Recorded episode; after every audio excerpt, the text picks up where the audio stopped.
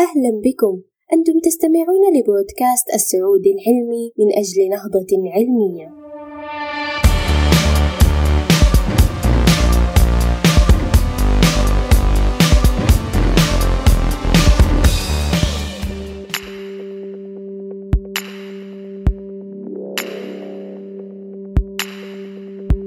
صدر حديثا كتاب بعنوان الحياة الخفية للأشجار. يزعم أن الأشجار تتحدث مع بعضها البعض ولكن هل يحدث هذا فعلا؟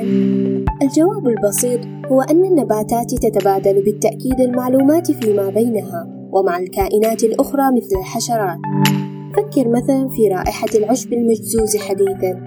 حيث ستخبر بعض المواد الكيميائية المكونة لهذه الروائح النباتات الأخرى أن تستعد لمقاومة الهجوم أو تستدعي حشرات مفترسة للدفاع عنها. ويمكن اعتبار هذه الروائح المثيرة كصيحات تحذيرية أو صرخات استنجاد مما تتعرض له النباتات.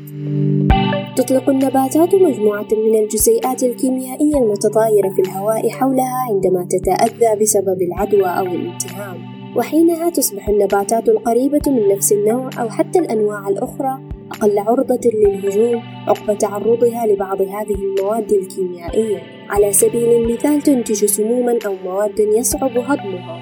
وحينها تصبح النباتات القريبة من نفس النوع أو حتى الأنواع الأخرى أقل عرضة للهجوم عقب تعرضها لبعض المواد الكيميائية. على سبيل المثال تنتج سموما أو مواد يصعب هضمها لا تحدث هذه التغييرات فورا عادة ولكن الجينات المطلوبة تستجيب بسرعة أكبر بكثير في حالة الحاجة إليها. وهناك أيضا دليل على أن المواد الكيميائية التي تطلقها النباتات في موقع معين تختلف اختلافا دقيقا عن تلك المطلقة في مكان آخر من نفس نوع النباتات. وبناء على ذلك يبدو أن للنباتات لغات إذا تحدثت أو لهجات محلية على الأقل. لا تنتقل كل المعلومات المتبادلة بين النباتات في الهواء فحسب، إذ تعيش الغالبية العظمى من النباتات في علاقات تكافلية مع فطريات التربة، حيث تمد الأشجار الفطريات بالسكر، وعلى الجانب الآخر تساعد الفطريات الشجرة على جمع الماء والمغذيات من التربة، ويمكن للعديد من النباتات أن تجتمع تحت سطح الأرض عن طريق خلايا من نفس الفطريات الفردية. عندما يعاني نبات ما من الضرر أحيانا ستقوم النباتات الأخرى المتصلة به من خلال فطريات التربة بحماية أنفسها ضد الهجمات المستقبلية. في حين لا تفعل ذلك النباتات الأخرى القريبة منها وغير المتصلة بها وتعد هذه الشبكة الفطرية ناقلا آخرا للمعلومات. فهي شبكة معلوماتية بحق ولكن من المسيطر حيث تبث الفطريات الرسائل؟ وربما هي المستخدم الحقيقي للمعلومات. تجمعها من إحدى النباتات المضيفة وتمررها للنباتات الأخرى لحماية إيراداتها.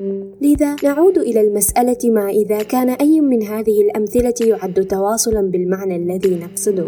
إن أي شيء يجعل الناس تهتم أكثر بالنباتات لهو أمر جيد. ولكن اهتمامنا بما إذا كانت الأشجار تتواصل فيما بينها يحمل في طياته إشارة لقلقنا نحن البشر حول عملية تواصلنا مع بعضنا البعض وهو ما يعبر عن طبيعتنا بشكل أكبر مما نتصور.